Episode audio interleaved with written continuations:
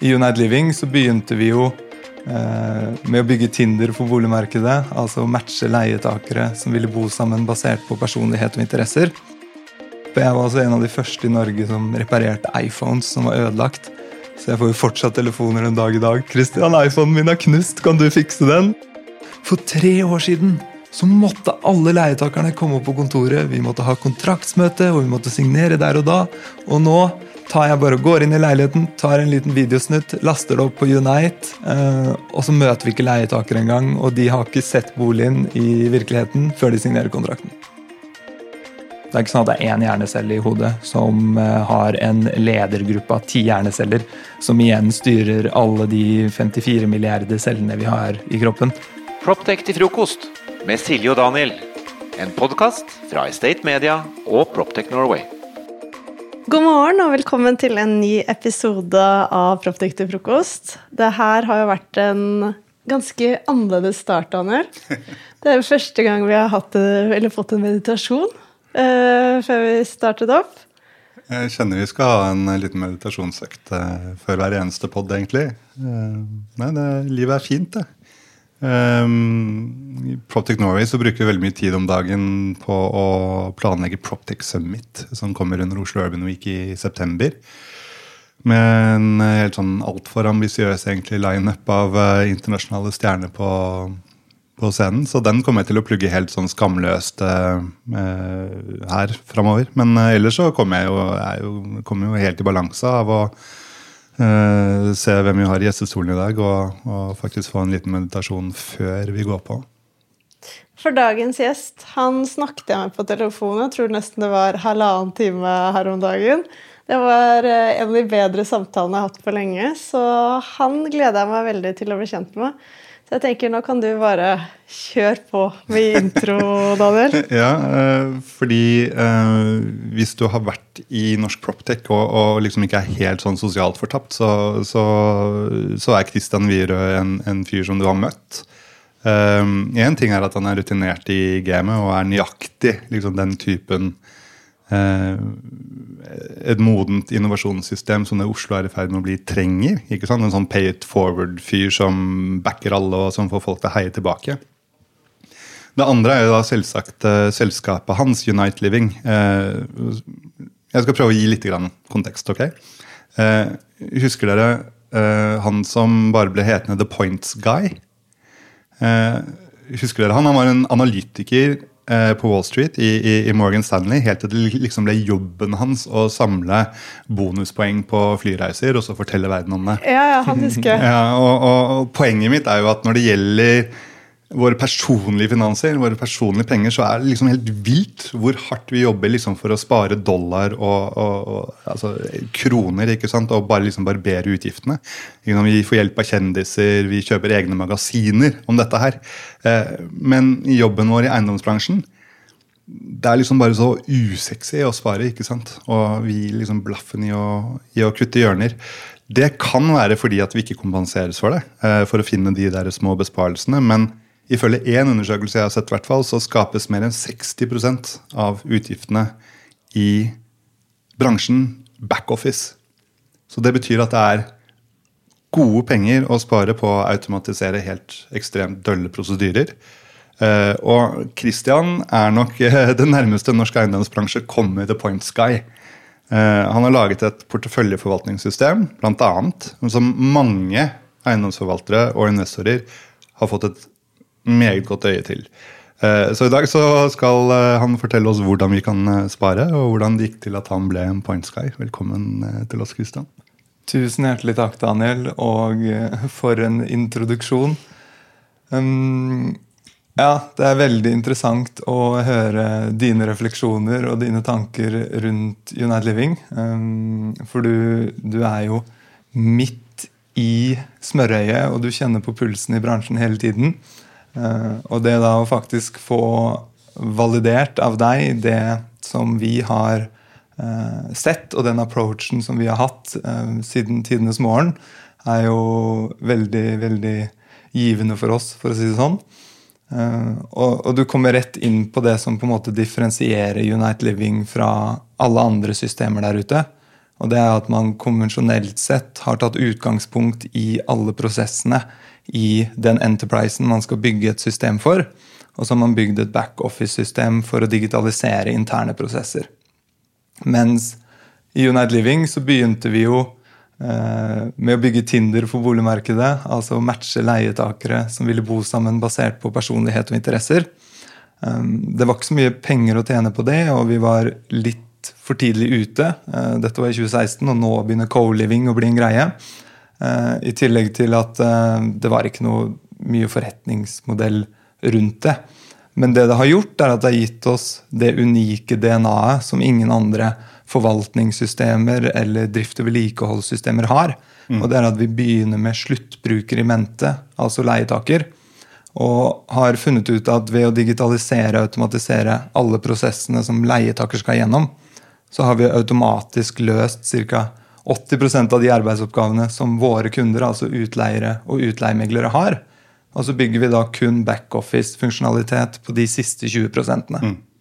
Det her er jo kjempeinteressant, Kristian. Vi skal litt tilbake til det. Men eh, først så må vi snakke litt om deg. For det at uh, veien til uh, et forvaltningssystem var vel ikke helt gitt. Vi har hørt at du både har jobbet i reiselivsbransjen og som skiinstruktør.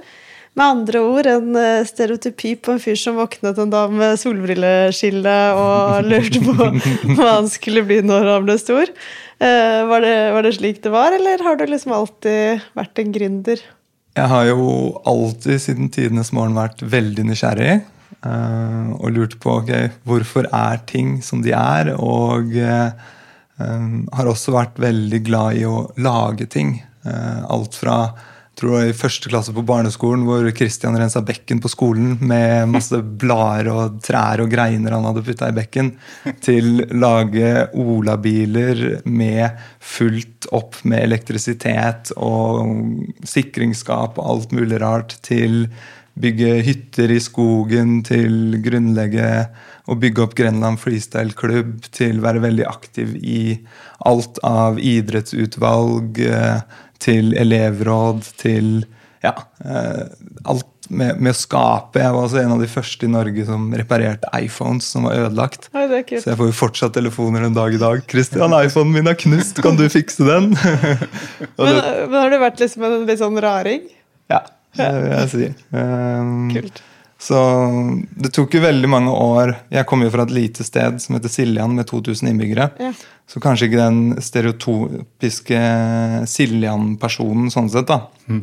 Har jo da også en mor som er halvt tysk og halvt spansk, og har jo fått en del impulser utenfor bygda fra dag én. Um, så det også var jo veldig mye av grunnen til uh, kanskje den nysgjerrigheten og den søken. At jeg liksom følte at jeg passa ikke helt inn i den stereotypiske modellen man hadde, da. Uh, og, og, kjente meg kanskje ikke helt igjen i det heller, og skjønte ikke helt uh, Må det være sånn, liksom? Så det, det har absolutt vært en del av min oppvekst. Med Life at Work fra VNI er alle byggtjenester samlet i én løsning. Med én og samme app for alt av adgangskontroll og parkering. Til booking av møterom eller matbestilling kan du som gårdeier ta grep om dine verdier og skape en enkel og sømløs hverdag for dine leietakere. Finn ut mer på veni.no. Men men så startet du jo faktisk United Living. altså Hvordan var veien fram til det? Altså du, du, du, var jo inne på det. det. Eh, det. var jo ikke bare porteføljeforvaltning i begynnelsen. Det var mer en sånn slags Tinder som du sa, for millennials med egen leilighet, kan man nesten si. Uh, hva, hva, var det du laget først, egentlig, og hvorfor? Jeg vil jo presisere at uh det er jo ingenting jeg har lagd alene. Uh, jeg er ingenting uten mitt team, uh, og vi er jo en helhet. Så selv om på en måte den initielle ideen kom gjennom meg, eh, så, så har ikke det så mye å si i forhold til hva Unite Living er den dag i dag. Men det som skjedde der, var jo at jeg fikk med Risul, min medgründer, som også har 20 år mer på baken og var initiativtaker til å bygge CRM-systemet til DNB Liv. Så han er CTO. Eh, og Risul skjønte egentlig veldig raskt at eh, vi må mot utleierne. Eh, og vi må på en måte se hvordan vi kan skape verdi der, fordi han hadde bygd et CRM-system for SMB-bedrifter før. Så han hadde veldig den der prosessorienterte vinklingen. Eh, og så hadde jeg veldig mye den eh, leietakerbiten og at vi ønsker at folk skal ha trygge og gode hjem. Fordi når man har det bra hjemme, så presterer man bedre på skole, på jobb, sosialt eh, og i samfunnet generelt. Så vi to er på en måte veldig sånn hva skal vi kalle det, yin and yang. Mm. Eh, og eh, balanserer hverandre på en veldig god måte. Hvor jeg fort kan bli veldig visjonær, så er Risul alltid nede på bakken og tenker bits and bites. Eh, og ja, han er jo omtrent en datamaskin, så han er et helt fantastisk menneske å ha med på tech-siden. Mm. Men eh, jeg tenker sånn, når underveis var dere tenkte at oi, nå må dere liksom endre den forretningsmodellen? Og hvordan, ja, hvordan forsto dere at det liksom ikke fungerte, det dere egentlig hadde planlagt? Ja, for Når man kommer på nettsiden nå, så um, det, det er jo på en måte to, det er to deler. ikke sant? Det er den matching-plattformen, og så har du nesten en sånn helt egen en på, på porteføljeforvaltningen. Mm. Ja, Det vi så ganske fort, var jo Vi fikk jo veldig mange brukere med en gang når vi lanserte i 2017. Så var vi vel veldig fort oppe på sånn 15 000 brukere. Men så så vi også at eh, det var litt prematurt, dette her med å skulle finne folk online først. Mm. For så å eh, finne et hjem, og så flytte inn sammen. Eh, spesielt i Norge, hvor kanskje ikke utfordringen er like stor som ute i verden, og hvor veldig lite land Man kjenner alltid noen et eller annet sted man skal flytte til, som kjenner noen som kjenner noen. Så det er veldig mye som går gjennom relasjoner. Mm. Um, skal det jo sies at uh, den første ideen jeg var jo ikke eldre enn 22, og heller ikke Øyvind som var med den gangen. Så vi hadde jo ikke så veldig mye erfaring på hvordan vi skulle bygge en uh, markedsplass. I tillegg så hadde du finn.no og hybel der ute. Um, og da en kundegruppe som ikke hadde råd til å bo alene, og da heller ikke råd til å betale så mye for tjenesten. Mm. Så det var jo uh, de tingene vi så. Uh, og samtidig så fant vi ut at ok, vi må utvide da, og ikke bare drive med roommate matching, men også ha utleiere. Sånn at det blir en tosidig plattform, sånn at vi får positive nettverkseffekter. Jo flere leietakere som vil være på plattformen, jo flere utleiere, jo flere utleiere, jo flere leietakere. Og så har man hele den der chicken and egg problem. Hvem er det som skal komme først? Vi trodde jo først at får vi alle leietakerne, så får vi alle utleierne. Um, men så begynte vi å snakke med en del utleiere og kom i kontakt med Krogsven, som var uh, veldig uh, ja, begeistra for den på en måte plattformen vi hadde lagd ut mot leietakere. For de var også en av de første i Norge som begynte med dette boligkjøperregister.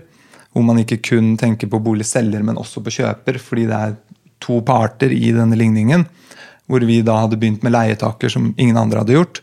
Eh, og Krogsven den gangen hadde hyrt inn et eksternt firma som drev med all regnskapsføringen, alle innbetalinger og alt sånt. Eh, og hadde ikke noe system for meglerne annet enn meglersystemet, men det gjelder jo kun for formidlingen eh, av leiekontrakten og ikke forvaltningen. Så da kom vi i kontakt med Krogsven. De gikk inn på eiersiden med to millioner. Og så bygde vi et uh, veldig bra utgangspunkt uh, sammen, rett og slett. Ok, men da, da er tiden kommet. Kristian. Gi oss en heispitch på hva, på hva United Living uh, leverer i dag. I dag så digitaliserer vi og automatiserer alle prosesser kobla til å leie ut bolig. Det er jo en veldig fragmentert prosess hvor kundene våre er inne i ti forskjellige steder før United Living. Hvor vi samler alt i en digital, sømløs brukerreise for både leietaker og utleier. Og resultatet av det er at vi dobler eh, kapasiteten til kundene våre. Vi reduserer ledigheten. Eh, og øker inntekten per leieforhold ved å sjekke hver dag om et leieforhold kan kopijusteres.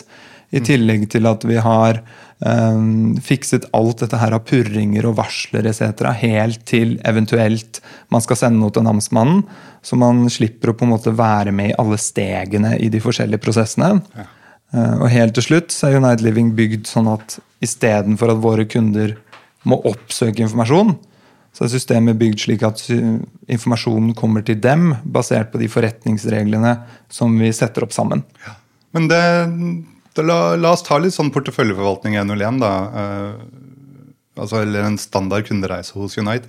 Vi, hvis vi tar for oss noen helt sånn standardoperasjoner da, som man har som eh, utleier, og så, og så kan du si hvor det ligger et potensial for effektivisering her. Har du lyst til å begynne, Silje?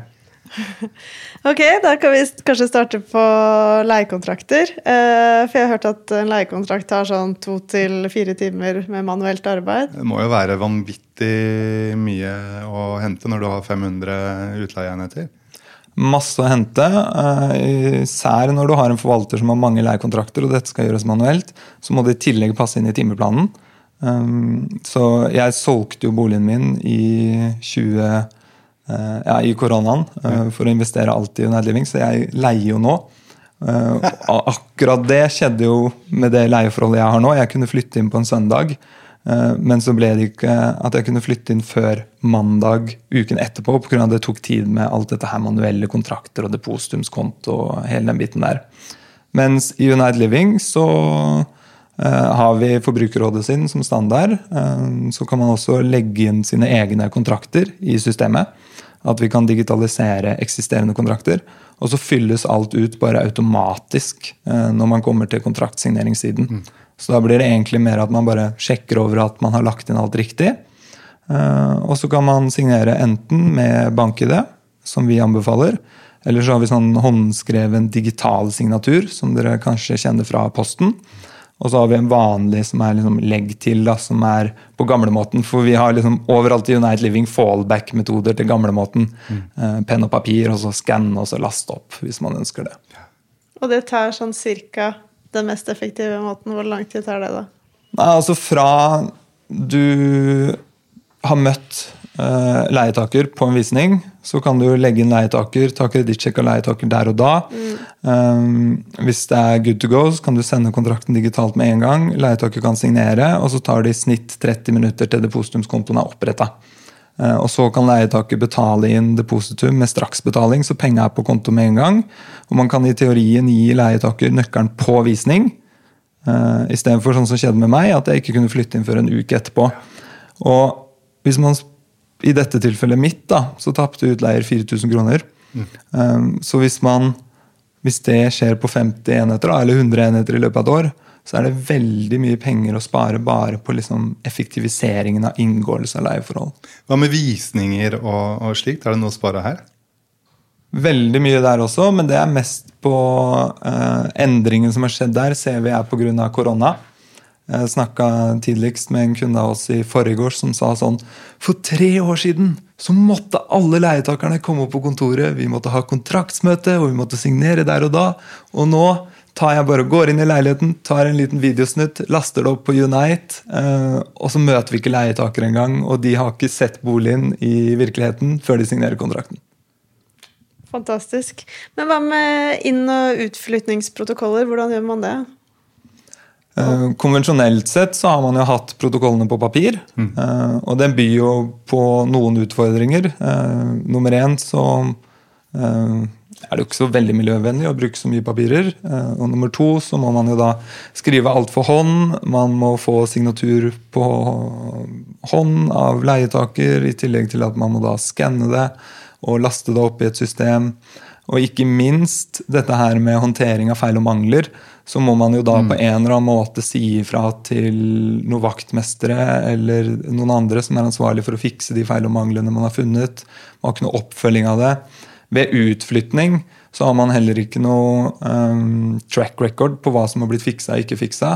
Så da må man ofte ta med seg innflytningsprotokollen i papirformat. Uh, og så tar man med seg utflytningsprotokollen, og så må man se på de feilene som var ved innflytt, og så må man sammenligne ved utflytt og fylle ut. Uh, og alt slikt. Mens i United Living så er vi jo, er vi jo veldig prosessorienterte. Så har vi sett på hele denne prosessen, og så har vi introdusert noe vi kaller leieobjektets livsløp. Som da vil si at eh, alle partnerne våre kan legge opp forskjellige sjekkpunkter eller romelementer i alle de forskjellige rommene i leiligheten. Eh, og deretter så blir det automatisk lagt inn i protokollene. Og så kan de også legge inn egne sjekkpunkter på eh, leieobjekter som har noe spesielt inventar, eller noe som ingen andre har. Og Hvis du da fyller ut f.eks. ti feil ved innflytt, Eh, og av de ti feilene så er fem bare til informasjon, og de andre fem skal utbedres i løpet av leieforholdet. Så lager systemet automatisk oppgaver på de fem som skal utbedres.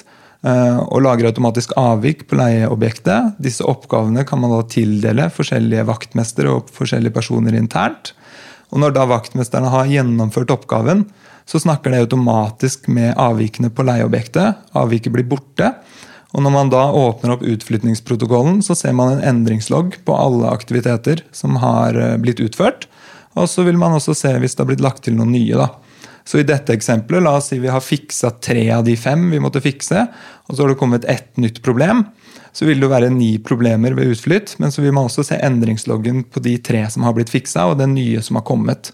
Mm. Um, så alt fyller seg inn automatisk. Uh, og etter jeg har kjørt den utflytten, når jeg da kjører neste innflytningsprotokoll, så ligger jo disse feil og manglene automatisk i neste innflytningsprotokoll, fordi det er livsløpet til leieobjektet. Mm. Det her høres jo veldig bra ut. Eh, du var litt inne på det i stad, om at dere også sender ut faktura og purringer og sånn. Men eh, med, er dere kobla til noe regnskapsprogram og CRM-systemer og sånt? Ja, det vi har gjort der, er jo um, istedenfor å bygge Unite Living på toppen av et regnskapssystem og så være avhengig av ett spesifikt system, så har vi henta ut de mest vitale funksjonene fra regnskapssystemet og faktisk bygd det selv. Um, og det være seg fakturering av husleie og uh, innlesning av innbetalinger. Så vi er jo et eget fakturasystem som da genererer um, individuelle fakturanummerserier per juridisk enhet. Noen av kundene våre har jo 30 juridiske enheter. Og så er det jo da uh, hver juridisk enhet som står som avsender av fakturaen. Og så kobler vi oss opp mot banken via integrasjon. Og så får vi alle innbetalingene opp til fire ganger om dagen. Og tar og matcher dette mot fakturaene som sendes ut. Og så har vi gjort noe vi mener er veldig smart, og det er å ha én KID per leieforhold. Så at leietaker eh, ikke får en ny KID hver måned, og at det er enkelt å sette opp en fast betaling. I tillegg til at vi har introdusert f.eks. VIPS og e-faktura, så at det er veldig enkelt og smidig for leietaker også. Laft tilbyr en fullverdig FDV-løsning som bidrar til enklere og mer effektiv drift både for små og store eiendomsbesittere. Digitaliser den daglige driften, få bedre innsikt og ta bedre beslutninger for porteføljen.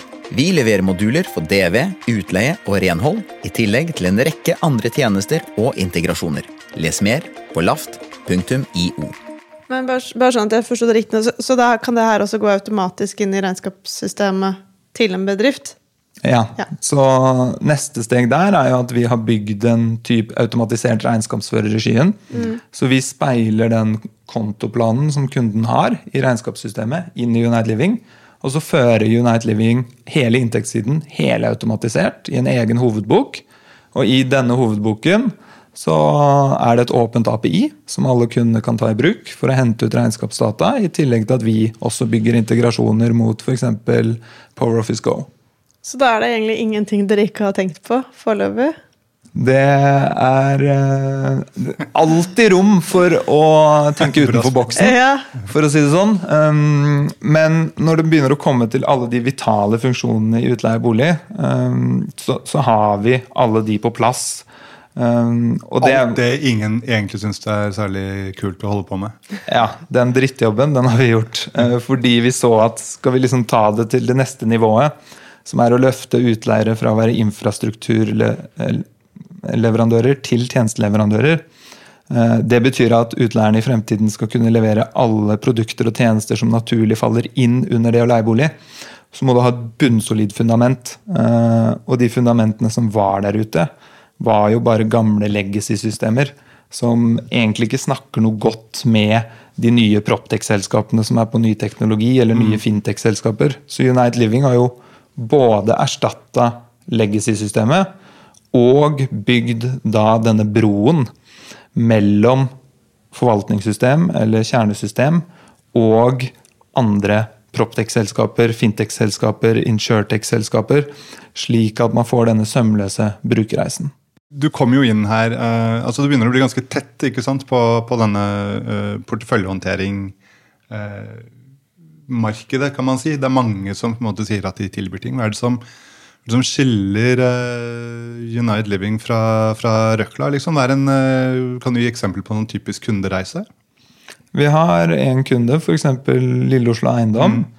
Da de hadde 300 enheter, så sto de i et veiskille om de skulle ansette ny forvalter eller gå for United Living. Uh, og da var det én person på forvaltning og én person på regnskap. Så United, De valgte United Living, og vi klarte å doble kapasiteten deres før de måtte ansette en ny forvalter. Eh, og de har fortsatt bare én person på regnskap. Eh, og i dag så har de nærmere 1000 utleieforhold. Så det er vi veldig engasjert i og liker veldig godt. Å på en måte være med kundene våre på den vekstreisen. Fordi United Living også muliggjør mye raskere vekst enn det man konvensjonelt har hatt. Eh, og det gjør også at det er enklere å håndtere leieforhold remote. Fordi eiendom har vært veldig lokalt før man på en måte har åpnet opp med United Living. Ja, nei, Du kom liksom inn her i dag og vi spurte hei, hvordan går det og du var bare sånn Det går så bra eh, på, liksom på alle felt. Og eh, det er ikke lenge siden dere hentet vel inn eh, 20 millioner fra investorer som eh, Pareto og Urbanium. Og dere fikk med Bjørn Dæhlie, som alltid er veldig bra for å få noen eh, kule overskrifter. Eh, hva, hva bruker dere pengene til nå? Hva er, hva er planene framover? I fjor så var vi, i fjor i januar så var vi tolv årsverk. To i Norge og ca. ti i Bangla. Nå er vi 35 årsverk til sammen. 24 i Bangla og 11 i Norge. Så pengene går til eh, bygge team, eh, skalere på alle fronter. Eh, og frem til nå så har vi ikke gjort noe spesielt på markedsføring i United Living. Vi har kanskje brukt sånn 100 000 på markedsføring siden vi lanserte forvaltningssystemet i 2018 og har da klart å få 80 profesjonelle utleiere med 9000 utleieenheter. Mm. Så nå går det jo fra, fra R&D til kommersialisering. Så det også blir gøy å se på en måte den magien som eh, Stine, som har blitt ansvarlig for markedsføring, skal gjøre inhouse i United Living. Men eh, hvor tror du at dere er da, si om ti år? Det er jo fryktelig lenge, men eh, hvordan ser selskapet ut da, tror du? Mitt mål er jo at Unite Living blir den underliggende digitale, globale infrastrukturen for utleie av bolig. Ehm, så jeg er jo veldig glad i å heller eh, se på liksom ehm, hvilket formål som ligger i selskapet, og bygge selskapet bottom up istedenfor top down. Eh, så det å liksom skulle si at vi skal ha så og så mange enheter etc. etc. om ti år, eh, da, da, legger jeg veldig mye føringer for hva Unite Living skal gjøre de neste ti årene. Mens eh, jeg er mer sånn at jeg erkjenner at det ligger kollektiv, en kollektiv intelligens i selskapet, i alle de ansatte. Og at selskapet i seg selv har en dragning til et eller annet sted. Eh, og at det er vår jobb å finne ut hvor denne dragningen er, og så akselerere den dragningen. Um, så det blir mer på en måte et Det jeg snakker om, er et paradigmeskifte som jeg ser eller føler innenfor selskapsutvikling og selskapsorganisering.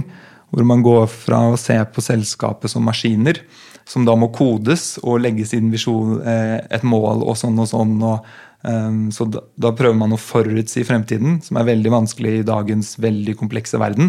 Og så bygger man kontrollmekanismer for å uh, sikre seg at man faktisk når den fremtiden som man har forutsatt.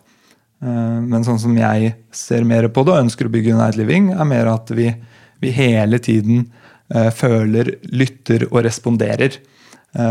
slik at vi hele tiden kan finne det momentet som ligger der naturlig.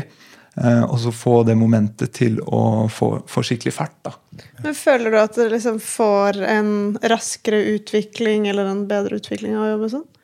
Veldig. Eh, for det blir veldig agilt. Og det er veldig som å liksom kjenne på pulsen hele tiden. Hva er det som trengs? Hva er det markedet trenger? Hva er det kundene trenger? Eh, hva er det vi, vi, vi ser for oss her og nå? Jeg har vært i Forsvaret òg. Og Der sa vi jo at eh, en hvilken som helst plan fungerer frem til første kontakt. Eh, altså første skuddveksling. Mm. Og så må man finne på noe nytt. Eh, og det samme gjelder jo i business, føler jeg. At skal man klare å liksom eh, være innovative hele tiden, nytenkende, og, og, ikke falle etter, så må man hele tiden ta pulsen på markedet og være agile. Uh, og, og, ikke bygge opp alt det byråkratiet som man ser i veldig mange store bedrifter. Uh, derav også har jeg troen på å bygge mer uh, en mer desentralisert organisasjonsstruktur som er mye mer agil. Eh, fordi hvis vi ser på komplekse systemer i f.eks. naturen, eh, så er det aldri liksom eh, de største komplekse systemene som er bygd på pyramidemåte. Da. Det er ikke sånn at det er én hjernecelle i hodet som har en ledergruppe av ti hjerneceller, som igjen styrer alle de 54 milliarder cellene vi har i kroppen. Uh, så, så, det er liksom en del av de tingene mm. jeg brenner for. Da. Ja, Du har jo med deg livsfilosofien din inn i, inn i selskapet. Altså, du slår meg jo som en fyr som, uh, som er i grunnleggende balanse. Uh, hvis ikke så skjuler du det ekstremt godt. Altså, Forrige gang vi møttes, så satt jeg jo og var i litt sånn koffeinubalanse. Og så foreslo du, men jeg husker, at jeg skulle trekke en eller annen slags bark. Kan du, kan, du gjenta det rådet, er du snill?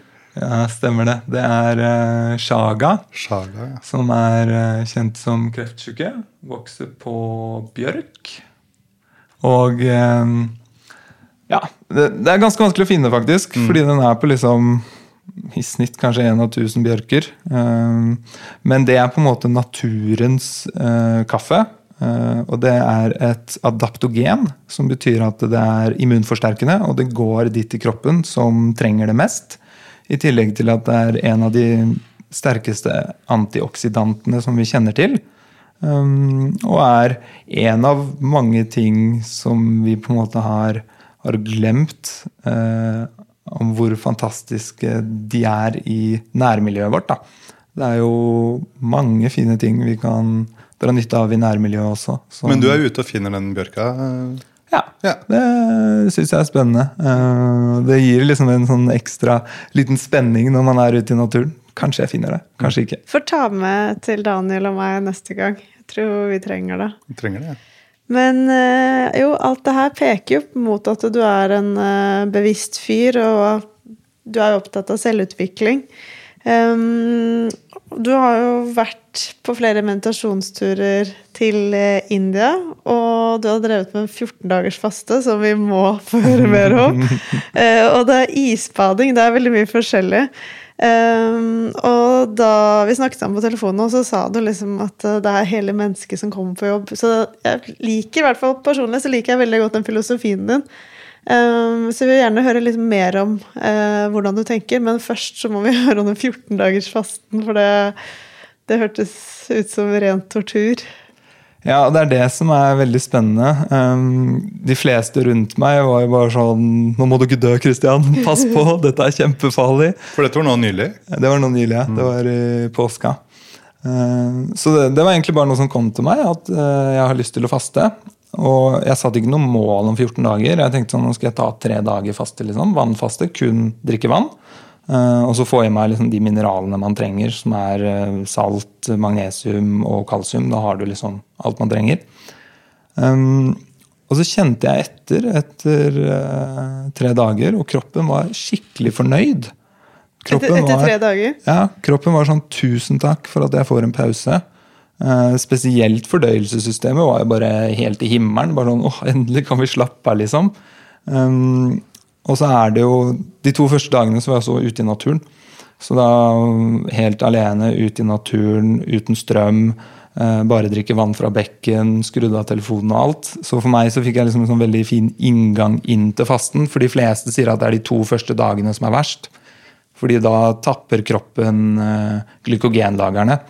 Men etter dag nummer tre, så, eller dag nummer to, da, så går det inn i ketose. Som betyr at kroppen da tar energi av fettlagerne som ligger lagra i kroppen. Og da mister man egentlig veldig mye av den sultfølelsen, for da får man de f.eks. 2000 kaloriene man trenger om dagen fra, fra fettet. Um, men det blir litt som at man går fra å være en racerbil til å være en lastebil. Um, hvor når du har glykogenlagrene oppe, så er det veldig lett tilgjengelig energi. Mens når du er i ketose, så er det mer oppvarming hvis man skal gå en tur eller trening og sånn. Sånn at eh, systemet liksom får, får kjørt opp uh, forbrenningen av energilagrene. Um, og etter dag nummer tre så tenkte jeg sånn åh, oh, ok, vi tar fem dager. Uh, og uh, da dro jeg til min mor, og vi drev med isbading og badstue og isbad og badstue. og jeg tenkte jo ikke over at jeg ble veldig dehydrert da. Ja. Så det, det, er ikke å anbefale når man faster. Og så fikk jeg ikke i meg nok mineraler, så da ble jeg litt sånn svimmel den ene gangen jeg reiste meg litt for fort. Um, men utenom det så, så, gikk de fem dagene bra. Og så tenkte jeg ok, da kjører vi syv dager. Og etter syv dager så ble veldig mange folk rundt meg veldig nervøse. Um, men jeg følte meg tipp topp. Aldri følt meg så bra, liksom. Så da dro jeg til um, legen, og så kjørte jeg en full helsesjekk eh, med alt av eh, urinprøver, blodprøver, EKG, eh, e puls, alt. Og alle verdiene som skulle være på topp, var på topp, og så var det noen verdier som var litt over normalen, og det er litt pga. de prosessene som skjer når man faster. da. Og en prosess som skjer etter tre dager, er at man går inn i noe som heter autofagi. Som er da tre ganger så rask regenerering av celler i kroppen. Som igjen da gjør at kroppen bryter ned eh, defekte celler. Celler som har fått noen eh, genfeil ved celledeling, kreftceller etc. etc. Bygges ned. Og så bruker kroppen da eh, restene fra de cellene til å bygge opp nye celler. Og etter dag fire så er det en boost i produksjon av immunceller, f.eks. I tillegg til at det også er en boost i veksthormoner som igjen skal øke eh, rehabiliteringen av muskler og den slags. Eh, og etter et visst antall dager så får man et helt nytt forhold til mat. Eh, fordi man, man skjønner at ok, Eh, jeg må ikke spise hele tiden. Jeg kan overvinne den. Eh, men etter jeg har kommet ut av det nå, så har jeg bare meldt meg på matkurs og eh, spiser bare sunn mat og masse Egentlig stort sett mat som går lett gjennom fordøyelsessystemet. Fordi jeg kjente at jeg fikk en sånn skikkelig klarhet i hodet når jeg ikke hadde mat i magen. Fordi magen bruker veldig mye av blodet vårt og energien vår til å fordøye mat. Og når du ikke har mat i magen, så går jo alt det opp i huet. så det, det var veldig spennende. Møller Eiendom er tett på utviklingen av nye teknologiløsninger som forbedrer måten vi kjøper, utvikler og forvalter eiendom. Leverandørsiden er viktig driver for utvikling av bransjen og kundene våre. Du er jo den første som har bedt om grønn juice her. Eh, de andre vil jo gjerne ha noe søtt. Mm. Særlig du, Daniel.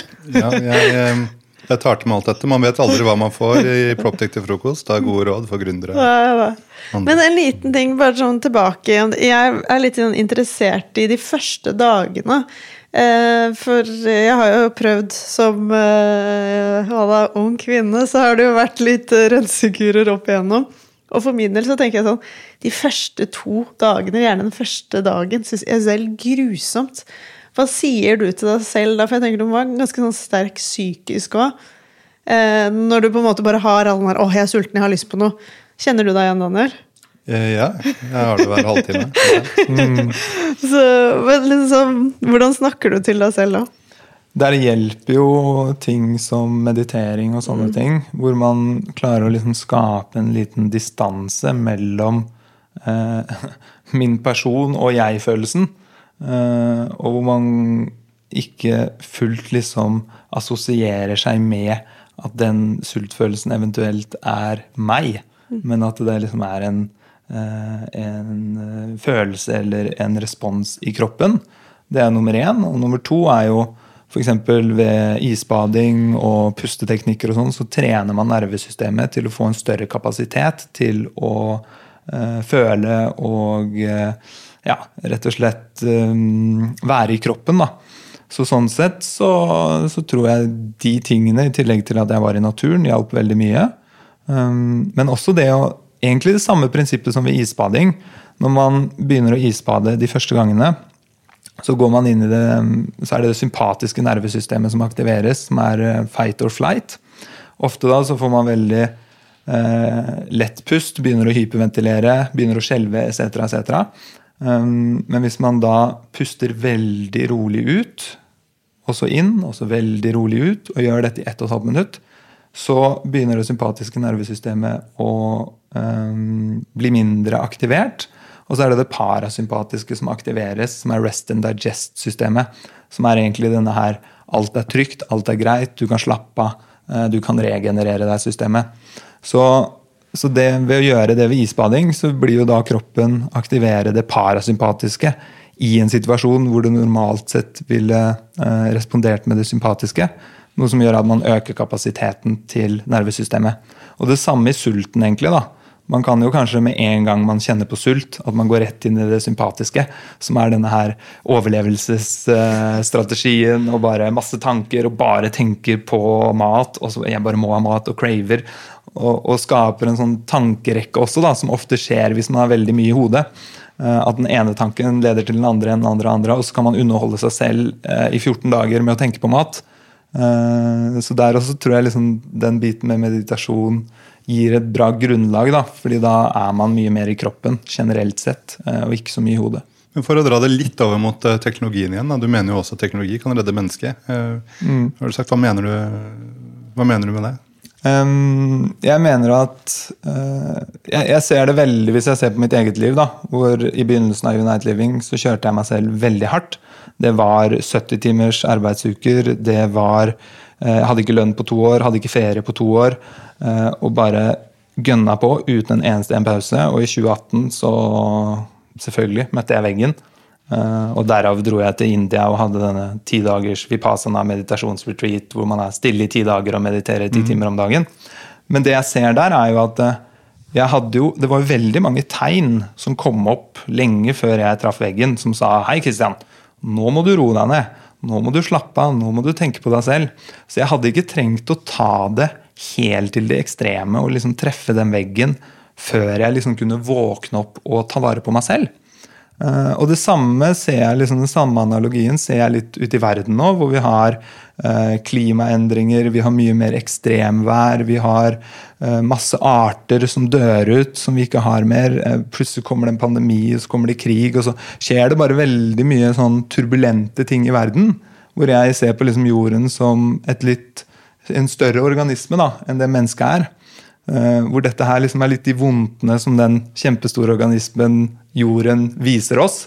Og så kan vi enten nå bare kjøre akkurat som jeg gjorde, bare bong gass som tidligere. Og så bare vente på det smellet som kommer. Uh, eller så kan vi gjøre sånn som jeg burde gjort også. Anerkjenne disse vondtene og ta en pause. Og det er her teknologi kommer inn. For jeg mener at når Unite Living da dobler kapasiteten til våre kunder og øker inntektene og reduserer ledigheten, så gir det muligheten til å komme ut av hamsterhjulet. Og gir muligheten til et pusterom for hele utleieorganisasjonen. Som igjen gjør at vi kan heve hodet og kanskje si at eh, av den dobla kapasiteten, kanskje en tredjedel skal gå rett på bunnlinja, kanskje en tredjedel skal gå til det sosiale, og kanskje en tredjedel skal gå til eh, miljøtiltak, ESG etc. etc. Så det er måten jeg ser at teknologi kan redde verden på. Men så mener jeg også at teknologi kan gjøre vondt mye verre. Fordi hvis vi bruker det pusterommet som vi får, ene og alene til å gønne på enda mer Det er bare sånn Yes! Nå er vi enda mer effektive. Nå kan vi bare kjøre på gamlemåten. Bare enda fortere. Men det er vel det vi ser mye av nå, er det ikke det? Jo, på mange måter. Men jeg ser jo også at alt med taksonomien, ESG etc. etc. er jo liksom um, en mye hva skal vi si, større kollektiv intelligens som også opererer. da.